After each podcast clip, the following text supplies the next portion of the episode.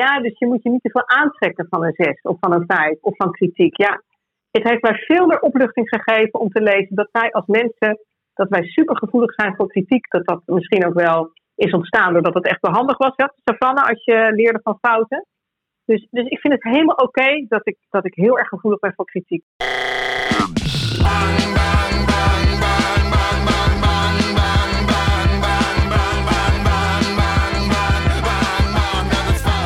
Welkom bij aflevering 9. Dit is de laatste aflevering van seizoen 1. En hierin spreek ik met Karin de Galan. Nou, um, ik ben Karin de Galan en ik train trainers. Dat is denk ik de kortste versie.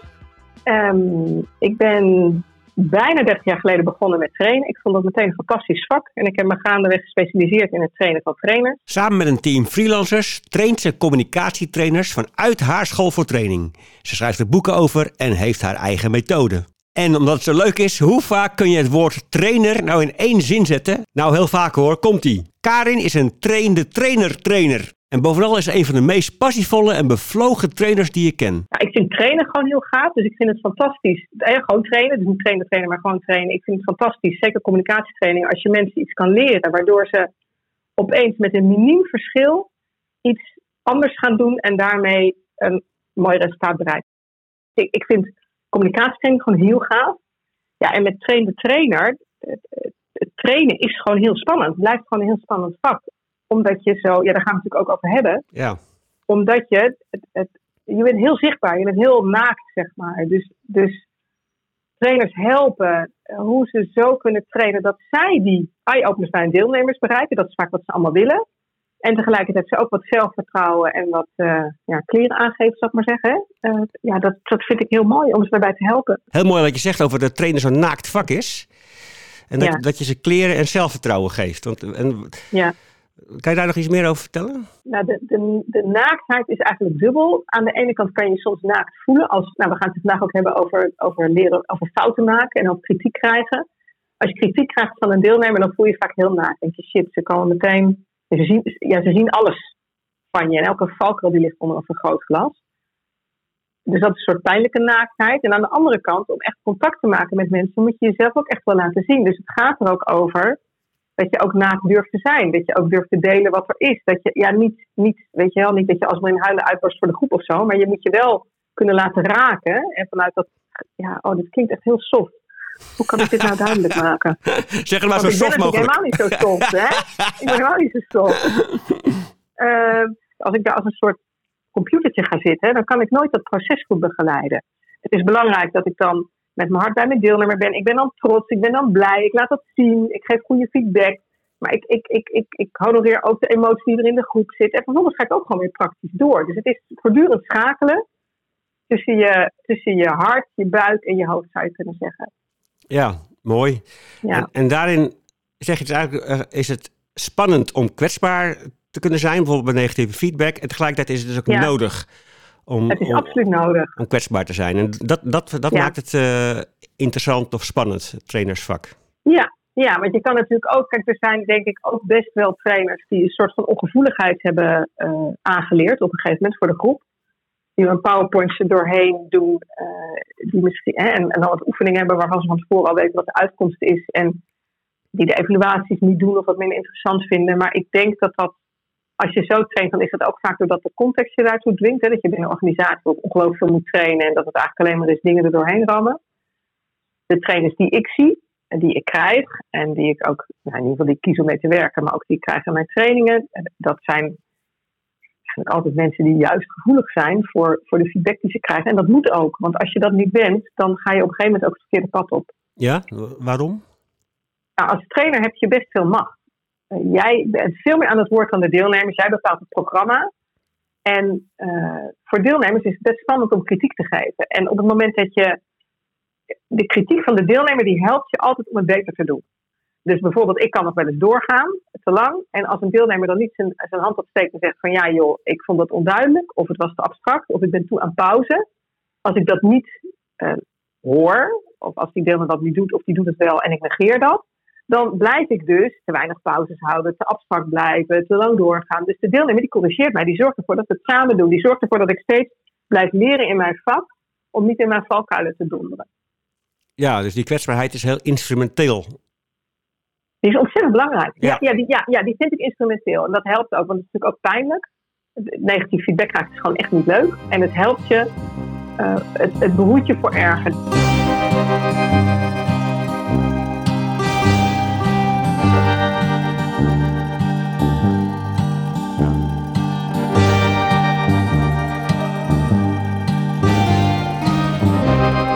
Karin heeft mijzelf gevraagd of ze met mij een aflevering kon maken over het trainersvak. Waarom? Omdat ik denk dat wij, eh, nou ik denk allemaal, ja ik weet, ik weet wel zeker allemaal, dat veel mensen lijden onder fouten maken en onder kritiek krijgen. En trainers misschien wel in het kwadraat. In haar opleidingen vertelt ze vaak dat dit lijden erbij hoort, hoe ervaren je ook bent. En dat is altijd wel een soort opluchting voor mensen. Want die denken dat het, het maken van fouten en het krijgen van kritiek en het lijden daaronder, dat dat een soort hoort bij het beginner zijn in het vak.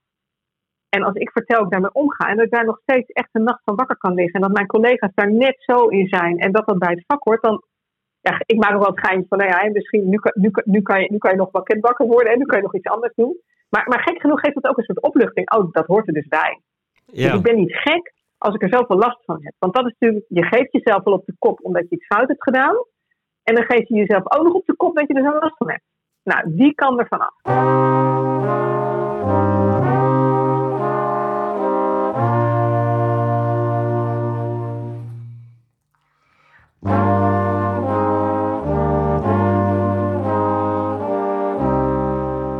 negatieve feedback is vaak echt niet leuk en tegelijkertijd houdt het je scherp. En zegt Karin, moet je heel erg openstaan voor negatieve signalen en daar naartoe durven gaan. Ze noemt dat killing the leader. Killing the leader is dat, je, eh, dat de groep massaal vindt dat jij iets niet goed doet. Maar dat zeggen ze niet, want ze, zitten in, ze zijn minder machtig dan jij. Het is heel spannend voor een groep te zeggen, nou, ik vind dat je het niet goed doet. Dus ze, ze praten er wel over op de gang. Of als je online traint op de WhatsApp. Of ze hebben er wel met elkaar over. Maar je voelt dat ze zich terugtrekken. Je hebt geen contact. Je staat als in de leegte te trainen. Dus vaak als trainer voel je het, dat je geen contact hebt. En het ergste wat je dan kan doen, is, dat heb ik ook wel eens gedaan, is gewoon maar doortrainen, het negeren. En het wordt vanzelf vijf uur. Nou ja, dan zit je echt met een rotgevoel s'avonds op de bank. Ja, En vaak weet je die training dan drie jaar later nog. Hè, dat je denkt, ja, dat was echt niet goed. En eh, wat je te doen hebt, is het op tafel gooien en vragen van jongens, wat is er aan de hand? Maar dan krijg je dus echt veel kritiek over je heen vaak. ja. En vaak is het dan aan de hand dat je te lang op een spoor bent doorgegaan wat niet aansloot bij de groep. Maar hoe merk je dat dan, hè? Hoe merk je dat de groep kritiek op je heeft zonder dat ze dat zeggen? Karin heeft in de loop der jaren geleerd om dit te signaleren via haar eigen onzekerheid. Eerder signaleren bij mezelf als ik onzeker word. Ik denk dat dat het is, want dat is vaak het startpunt. Dat ik eerder signaleer, ga ik wel het, ga ik, want de groep kan je tot, je kan het niet altijd zien. Je kan ook naar de groep kijken, maar dat kan je niet altijd zien. Maar je voelt het vaak wel. En ik denk dat ik vroeger veel vaker die onzekerheid afdeed als van ja, maar dat komt omdat je het nou eenmaal spannend vak vindt. En die groep zit echt niet op jouw onzekerheid te wachten en ga er maar door. En dat ik nu eerder denk van ja, ho even, als ik onzeker ben, nou dan train ik niet lekker. Dus ik heb er gewoon recht op om dat te vragen, want ik wil het samen doen met de groep. En ik, ik mag het, dus zorg, zorg voor je eigen comfort. En dat ik daardoor veel eerder check, zitten we nog op de goede weg. Karin voelt haar onzekerheidssignalen fysiek in haar lijf. in mijn borst, in mijn keel. Even kijken of ik hem nu ook kan voelen. Ja, ik denk dat ik hem in mijn keel heel erg voel.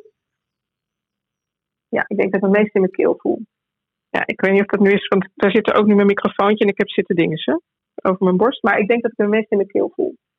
En ook in mijn maag, daar zit hij ook. Kan, kan je dus om- omschrijven? Ja, we gaan nu even de softe kant op, hè? Ja, dat is goed. wat je dan voelt in je maag of in je keel, waardoor je... Eigenlijk is een soort signaalfunctie dan eigenlijk, hè? Wat, wat- Ja, mijn keel gaat een beetje op slot zitten. Dus dat wordt wat, wordt wat benauwder in mijn keel. Ja. En wat druk op mijn borst en wat spanning in mijn maag. En, en dat is soort signaal van, oh jee, ik ben onzeker en je weet nu dat te vertalen van er gaat iets niet goed in mijn vak met de groep. Laat ik daar iets, iets, eh, iets aan doen. Ja, dus onzeker is eigenlijk nog een te licht woord, hè, want eigenlijk is het angst, volgens mij. Ja, Je hebt het over de basis, maar het is gewoon angst. Ik word, ik word een beetje bang voor de groep. En wat ik dan vroeger denk ik deed, was snel, snel door. Hè. Bijvoorbeeld, ik ben toe aan een oefening en ik, weet niet, en ik ben een beetje onzeker over die oefening. Of ik weet niet of dat goed is. En dan hoppakee, snel uitleggen, snel is het groep. Dus dan ben ik er vanaf. Hè. Dat was denk ik vroeger. En nu En ik heb ook heel veel vast aan het ambacht. Hè? Dus dat ik gewoon heel veel dingen heb uitgedokterd die ik ook weer anderen leer. Ja. En nu zou het meer zijn als ik dat voel. Dus dan ben ik bijvoorbeeld nadat ik een uitleg heb gegeven, ben ik onzeker. Dus ik voel dat, ik heb net een uitleg gegeven en dan label ik dat. Oh, ik vraag me eigenlijk af, vinden ze dit nou bullshit? Hebben ze er wel wat aan? Misschien vinden ze het heel stom. Misschien denken ze, ik kan dat allemaal al. Ja, wat doe ik dan? Dan stel ik een checkvraag. Dus dan zeg ik, jongens, hoe klinkt dat? Zet eens even in de chat of dat je wat oplevert, wat het je oplevert. Of in een zaaltje, ik ga achterover zitten, jongens, hoe klinkt dit? En ik laat gewoon komen wat er komt. En dan krijg ik terugkoppeling. En dan kan ik weer ontspannen, want dan komen er natuurlijk bijna altijd dingen als van ja, heel gaaf, la la la. En, en soms ook niet. En soms komt er dan iets van, nou, ik snap dit niet, of ik vind dat raar. Nou, dan heb je daar gesprekken over, maar dan heb je dus contact met de groep.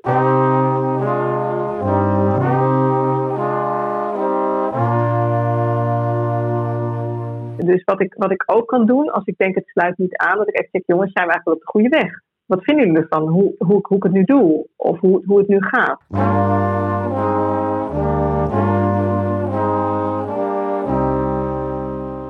Dit gebeurde onlangs nog in een webinar. Via de chat lieten een aantal deelnemers weten dat ze aan het afhaken waren. Karin zag het vanuit een ooghoek en legde de webinar stil. En ik dacht, jongens, ik merk dat het niet aansluit. Laten we eens even checken, wat vinden jullie ervan? En ze hebben duimen op laten steken. Nou, dat is echt eng, want er zaten, weet ik veel, honderd mensen of zo. Ja, En ik dacht, laat maar zien met een duim. Duim omhoog gaat hartstikke goed. In het midden, nou, moi, moi. Naar beneden, nee, dat is niet waar ik voor kom. En toen kwam het echt een beetje... Nou, er waren echt wel duimen omhoog, maar er waren ook duimen halverwege. Er was niemand die een duim naar beneden deed, omdat trainers dit toch gewoon wel aardige mensen zijn. En dat doe je niet zo snel. Maar toen ben ik dat uit gaan vragen en toen heb ik iets aan mijn programma veranderd. En dat, was natuurlijk, dat is natuurlijk een heel spannend moment, want dan, dan nodig je kritiek uit op wat je doet. En ik dacht wel van ja, als ze het me allemaal stom vinden, ik weet niet of ik dan iets anders kan verzinnen, maar ik weet inmiddels wel, ik denk dat dat mijn ervaring is, van als ik nu doorga, ja, dan heb ik zo'n beroerde nacht en, en dag en de week erop. En weet je wel, dus dit, ja, de hoppakee, de, de, do- de dood op de gladiolen, zeg maar. ja, En wat, en wat heel grappig is, ik heb later die vrouw gesproken die dat eerste zinnetje had getypt. En natuurlijk, op dat eerste zinnetje kwamen ook veel geluiden in de chat. Mensen, nee, ik vind het juist heel gaaf. Nee, ze moet doorgaan. Dus die zei, ik voelde me heel eh, lullig dat ik dat had gedaan, weet je wel, naar jou. Ja, En dat was zo grappig, want ik snap helemaal als deelnemer, is het gewoon super spannend om kritiek te hebben op een trainer. En helemaal als de rest van de groep de trainer dan nog gaat verdedigen. ja, Dus ik heb haar heel erg bedankt en beloond. En ik was heel blij, want jij zei het, maar meer mensen dachten het. Iemand moet het durven zeggen. En als ik het niet hoor, dan ga ik door op mijn spoor. Maar ik voel het natuurlijk wel. Ik voel dat ik contact kwijtraak. ja, Dus, dus en ik, ja, ik vond het een heel mooi voorbeeld dat, je, dat deelnemers het echt spannend vinden om kritiek te geven als trainer. En dat wat het. Natuurlijk is het altijd kloten en je voelt je beroerd. En wat je te doen hebt als trainer is je deelnemer geruststellen, onschuldigen, dankbaar zijn. En daarna mag je natuurlijk best balen, maar je deelnemer die moet je helpen om het te geven. Omdat het je uiteindelijk zelf verder helpt.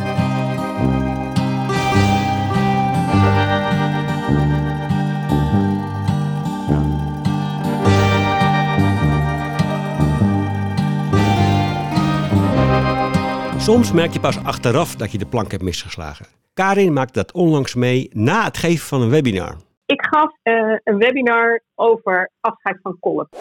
Huh? Kolp? Wat is dat? Kolp is een model voor ervarend leren. Ervarend leren, dat wil zeggen dat mensen leren vanuit eigen ervaring. Maar men- als je alles moet leren vanuit eigen ervaring, is dat een hele lange weg. Dus mensen leren veel sneller als ze voorbeelden van anderen kunnen observeren. Deze Kolp-webinar was totaal nieuw. Daarom was de afspraak dat we hem eerst zou doen voor 100 deelnemers en daarna nog een keertje voor een veel grotere groep trainers. Nou, dus ik bereid dat webinar voor, samen met Peter. Peter is mijn partner in privé en in bedrijf. En die, die doet heel veel wetenschappelijk onderzoek. Dus die had een onderzoek wat ik er mooi in kon gebruiken. En eh, eigenlijk ging de voorbereiding heel soepel. Op het eerste gezicht leek de uitvoering van het webinar ook best goed geslaagd. En ik dacht, nou mooi, dit varkentje is gewassen. Ik zet de computer uit. En ik vraag aan Peter, nou, hoe vond je het? En hij kijkt moeilijk en hij zegt, nou, ik vond je wat minder sprankelen dan andere keren. Dus ik dacht, weet je wel. Dat kwam echt onverwacht. Maar toen, toen, ging ik, toen dacht ik, ja, eigenlijk klopt dat wel. Het was eigenlijk een beetje een raar webinar. En toen kwamen alle signalen zo vertraagd binnen met van ja, ik was snel klaar. Er was eigenlijk niets voor interactie. Die eerste vraag was verwarring. Er waren weinig vragen. Ik heb eigenlijk heel weinig grapjes gemaakt en gelachen. Dus eigenlijk, dus ik ging zeg maar van, nou, ik heb het best oké gedaan. ja, zonk ik als het ware naar beneden. Ik dacht van, het is eigenlijk helemaal niet goed gegaan. Karin zonk weg in zelfkritiek. Naar bed niet te vroeg, wel ingeslapen en dan na een paar uur wakker worden. En dan in mijn hoofd allemaal dingen van tijdens het webinar. Dat, oh ja, dat had ik ook niet gedaan. Oh, die inleiding was niet goed. Maar één onderzoekje, geen praktijk. Ik had dat moeten doen. En ook naar het hele voortraject kijken van, ja, ik werd ook veel te makkelijk van afgemaakt. Ik had mensen moeten vragen wat ze wilden. Nou, dus dan zit ik mezelf ontzettend op de kop. Inmiddels weet ze donders goed dat dit zichzelf op de kop zitten niet helpt. En dat er eigenlijk verdriet onder zit. Eigenlijk ben ik dan heel verdrietig dat ik het niet goed heb gedaan. En dat ik die mensen, er zaten uiteindelijk 70 mensen, uh, en dat ik die dan tekort heb gedaan. Dat vind ik echt verdrietig. En dat iemand, heeft iemand, die was dus aan het eind in verwarring. Je denkt, ja, er waren misschien nog meer mensen in verwarring. Die hebben anderhalf uur van hun tijd gegeven en het was niet goed genoeg. Ik weet dat dat verdriet ook wel weer over de top is. Hè? Dus met mijn hoofd weet ik nu wel, ja, dat klopt niet. Maar op dat moment ben ik echt verdrietig daarover. En verdrietig dat ik niet goed heb gedaan. Nou, de volgende ochtend natuurlijk gewoon nog ja, niet uitgerust, moe, labielerig. Uh, met Peter over gehad. Peter zat ook te denken wat er anders moest. En wat ik toen heb gedaan, wat heel, wat heel fijn was. Um, Arie Speksnijder, dat is een, eh, een, een, eh, ook een trainde trainer. En daar heb ik, heb prima contact mee. Die zat ook in de groep. Dus die had ik van tevoren een appje gestuurd van, oh wat leuk dat je erbij bent. En die had mij na afloop niet geappt. En dat is natuurlijk wel wat je verwacht. Hè? Als een collega jou iets doet, dan zeg je afloop, oh wat leuk webinar. Maar dat had hij niet gedaan dit keer. Dus ik dacht, oh, volgens mij vond hij het niet goed. En ik ben wel benieuwd om van hem feedback te horen, want hij heeft het gezien. Dus ik heb hem geappt. Uh, wat, wat, wat, hij ervan vond. Of ik, en toen kreeg hij naast de app terug uh, dat hij een deel heel leuk vond, maar dat hij ook wat in verwarring was. En dat hij het eigenlijk niet zo overtuigend vond. Nou, ik weet niet meer precies de app, maar het was in ieder geval kritiek. En dat was ook opluchtend, want ik dacht: oké, uh, het klopt dus wat wij zelf voelen, het was nog niet goed genoeg. En toen heb ik hem meteen gevraagd: van, goh, mag ik je erover bellen? Mag ik wat meer ervan horen? Dat vond hij prima, dus voor die woensdag erop hadden we een belafspraak gemaakt. Karin ging als de wiede weer aan de slag om een nieuwe opzet te maken. Nou en toen ben ik eigenlijk in drie dagen tijd, uh, ja, ik stond er meer op en ik ging naar mijn bed. Want ik wist dat er na twee weken nog een webinar kwam en dan voor meer mensen. Ik dacht, ja, dan moet ik het wel goed hebben. En daar zit dan een beetje angst bij van, oh, ik hoop dat ik het beter krijg. Maar ook wel dat ik denk, ja, ik kan in ieder geval nu leren van deze fout. Dus ik had eigenlijk binnen drie dagen samen met Peter had ik een nieuwe opzet gemaakt. En dat gaf al een beetje rust. Uh, en wat toen ook hielp was met Arie bellen, die ook benieuwd was wat ik had veranderd. Dus die, die vond het ook leuk om te horen. En hij gaf zijn feedback en dat kon ik heel goed plaatsen. En ik vertelde wat ik ging veranderen. Nou, dat was al heel fijn. En ik bleef nog wel, ik had natuurlijk toch een soort tik gehad. Want ik dacht de vorige keer ook dat ik het goed had. Ik dacht, ja, kan ik nu vertrouwen dat het goed is of niet? Nou, toen ging ik eerst een collega vragen om naar haar mee te kijken. Die werd zo ziek, dus dat kon niet. En toen heb ik uh, iemand uit mijn netwerk gevraagd, Serge van Rooij. Die heeft ooit bij mij de opleiding gedaan. Die heb ik ooit nog gecertificeerd. Dat betekent dat je videoopnames bekijkt van hem. Nou, ik vond hem een supergoeie trainer. En hij geeft presentatietrainingen. Dus ik heb hem gevraagd van, joh, zou jij eens met mij mee willen kijken naar de opzet? Nou, hij maakte meteen tijd. Echt geweldig. Dus de volgende avond heb ik gewoon mijn hele opzet doorgenomen. En ik vertelde hoe ik wilde starten. Ik liet de onderzoekjes zien. Ik had een multiple choice vraag die ik erin had. En hij gaf gewoon feedback. En voor een deel was dat heel bekrachtigend. Van, nou, dit moet je, dus eerst had ik, had vijf onderzoekjes die ik wilde laten zien. Dus in het begin zei hij, nou, dat lijkt me heel veel. Maar ik liet ze allemaal zien en ik vertelde erover. En ik kwam helemaal in mijn flow. En ja, nee, dit moet echt. Het is hartstikke goed. Maar hij had ook een tip om de start anders te doen. Dus aan het eind dacht ik, nou, heel fijn, dat een soort zelfvertrouwen. En toen ben ik nog wat door gaan puzzelen. En uiteindelijk heb ik nog wat zitten veranderen. Ja, en toen kwam dat tweede webinar. En dat was echt een wereld van verschil. Ik merkte het zelf ook. Ik was veel meer in contact ik maakte bij het begin al grapjes. Ik had bij de inloop al contact met mensen. Ik had tijdens meer interactie. En ik had ook op een gegeven moment dat ik twijfelde van ga ik nou deze kant op of kan ik beter die kant op gaan? En dat legde ik gewoon voor aan de groep. En die had allemaal zo'n gekleurd voorwerp. Die zei van nou als je wil ik dit doe, hou even groen op. En als je wil ik dat doe, hou even rood op. Dus ik, ik werkte echt samen met de groep. Terwijl daar, weet ik, 300 man zaten of zo. En voelde dat echt als samenwerken. Ja, en was het gewoon een prima webinar. Ze had dus enorm geleerd van de fouten en daarmee de webinar bijgestuurd. En achteraf gezien, hè, wat was nou eigenlijk precies de fout? Mijn eerste webinar ging voor een heel groot deel over wetenschappelijk onderzoek en had veel minder vertaling naar de praktijk. En dat heb ik mezelf wel verweten, want dat is iets wat Peter en ik eigenlijk. Peter moet het onderzoek aandragen en ik moet de vertaling naar de praktijk maken. Dus mijn start was niet vanuit de praktijk. Als ik het terugga, vroeg ik daar van ben je fan van cold of niet? Dat was gewoon de start. En daarna ben ik, ben ik gewoon wat gaan vertellen. Oké, het eerste webinar sloot dus niet voldoende aan bij de praktijk van de deelnemers. Ze vindt ook dat ze van tevoren bij zichzelf signalen had gemist. Zo was ze bijvoorbeeld helemaal niet zenuwachtig voor de eerste webinar. En dat vindt ze een slecht teken. En het, het, het grappige vind ik dus ook dat ik voor die eerste was ik, was ik niet zenuwachtig. En voor die tweede was ik wel zenuwachtig, omdat ik wist, ja, er staat wel meer op het spel of zo. Ja, maar, maar die, die zenuwen heb, je ook no heb ik ook nodig, heb je ook nodig om goed te presteren. Ik zeg ook altijd tegen trainers, niet meer zenuwachtig. Als je helemaal niet meer zenuwachtig bent, als je helemaal geen spanning meer voelt, ja, dan, dan moet je een ander vak gaan zoeken. Dus het grappige vind ik dat ik dat bij dat webinar, ja, eigenlijk had dat dan een signaal moeten zijn.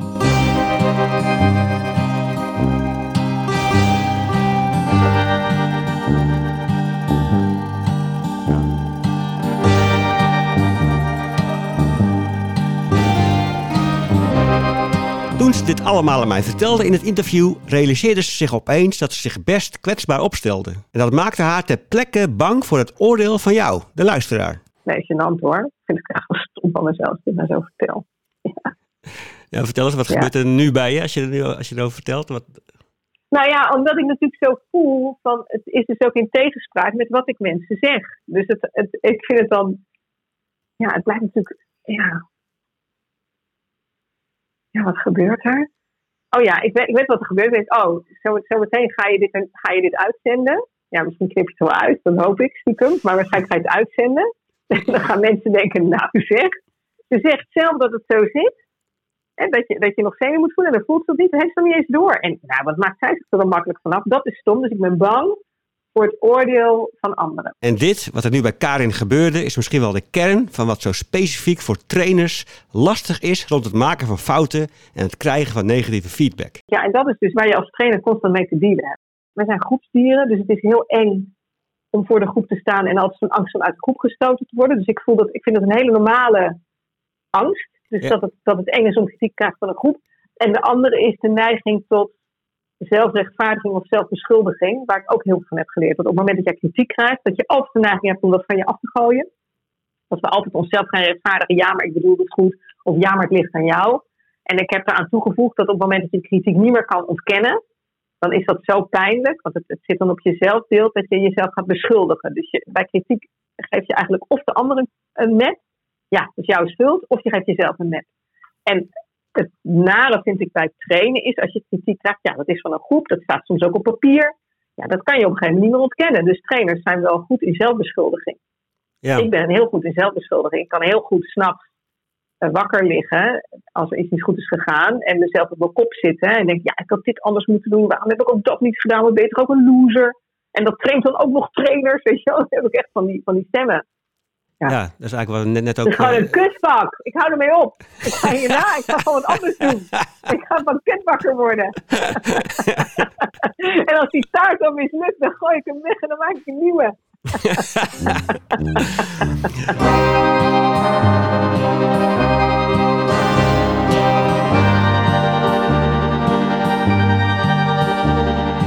nou, het helpt heel erg inmiddels om die stemmen te herkennen en te weten dat dat eigenlijk verdriet en angst is. En dan kan ik die stemmen laten en zeggen: Oh ja, ik ben verdrietig. Of Oh ja, ik ben bang. Of Oh ja, ik ben boos op mezelf. En als ik dat dan weer voel, dan kom ik tot rust. Oh, dat mag er zijn. En dan kan ik ophouden met dat argumenteren in mijn hoofd, ook s'nachts.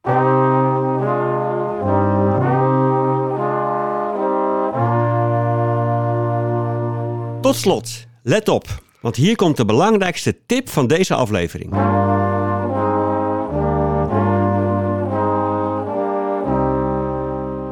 Ik geloof niet dat ik van mezelf perfect ben. Dat is ook niet functioneel. En dat geloof ik ook echt niet dat ik dat moet zijn van mezelf. Ik denk wel dat ik van mezelf eis dat ik leer van fouten. Ja, dat is een mooie Karin. ik vind dat ook echt bij het vak hoor. Ik denk, ja, ik train mensen. Ja, ik vind dat ik dat aan, aan het vak bijna verplicht ben. En ik word er zelf gelukkiger van. En, ook heel belangrijk, vergeet niet een goede, gezonde dosis zelfvriendelijkheid aan te zetten. Maar het is ook naar buiten. Uh, bewegen. Lekker en gezond eten een beetje chocola, maar we niet helemaal vol stoppen. Uh, afleiding zoeken, eens met vrienden wat gaan doen of naar de film als dat weer kan. Dus ook een beetje ervan weg, zodat ik ook weer voel van, oh ja, dit is weliswaar kloot gegaan en dat is heel erg balen, maar het is natuurlijk niet alles wat ik ben. Ja, dat is mooi.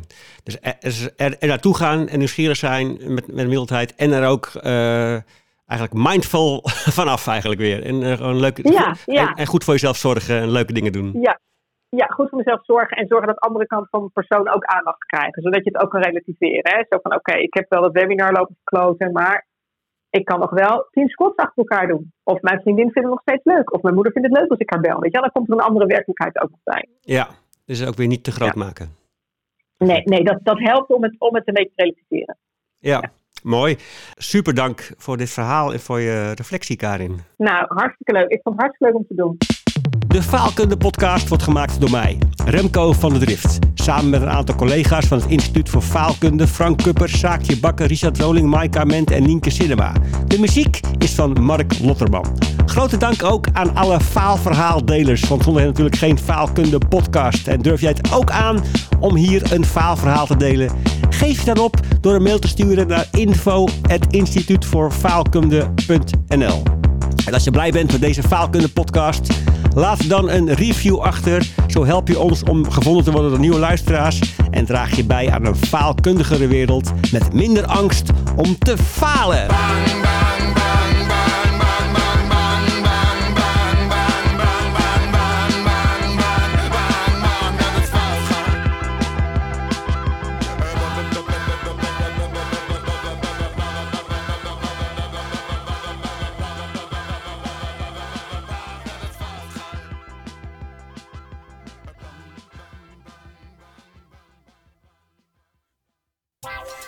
Nieuw in de speelgoedwinkel. Het razendspannende spel De Cursisten van Galan. Wie geeft de beste workshop? Kom erachter in de nieuwe editie van dit prachtige bordspel voor trainers. Gooi de dobbelsteen en ga van start. Verdien jij genoeg respect van je groep om dit spel te winnen?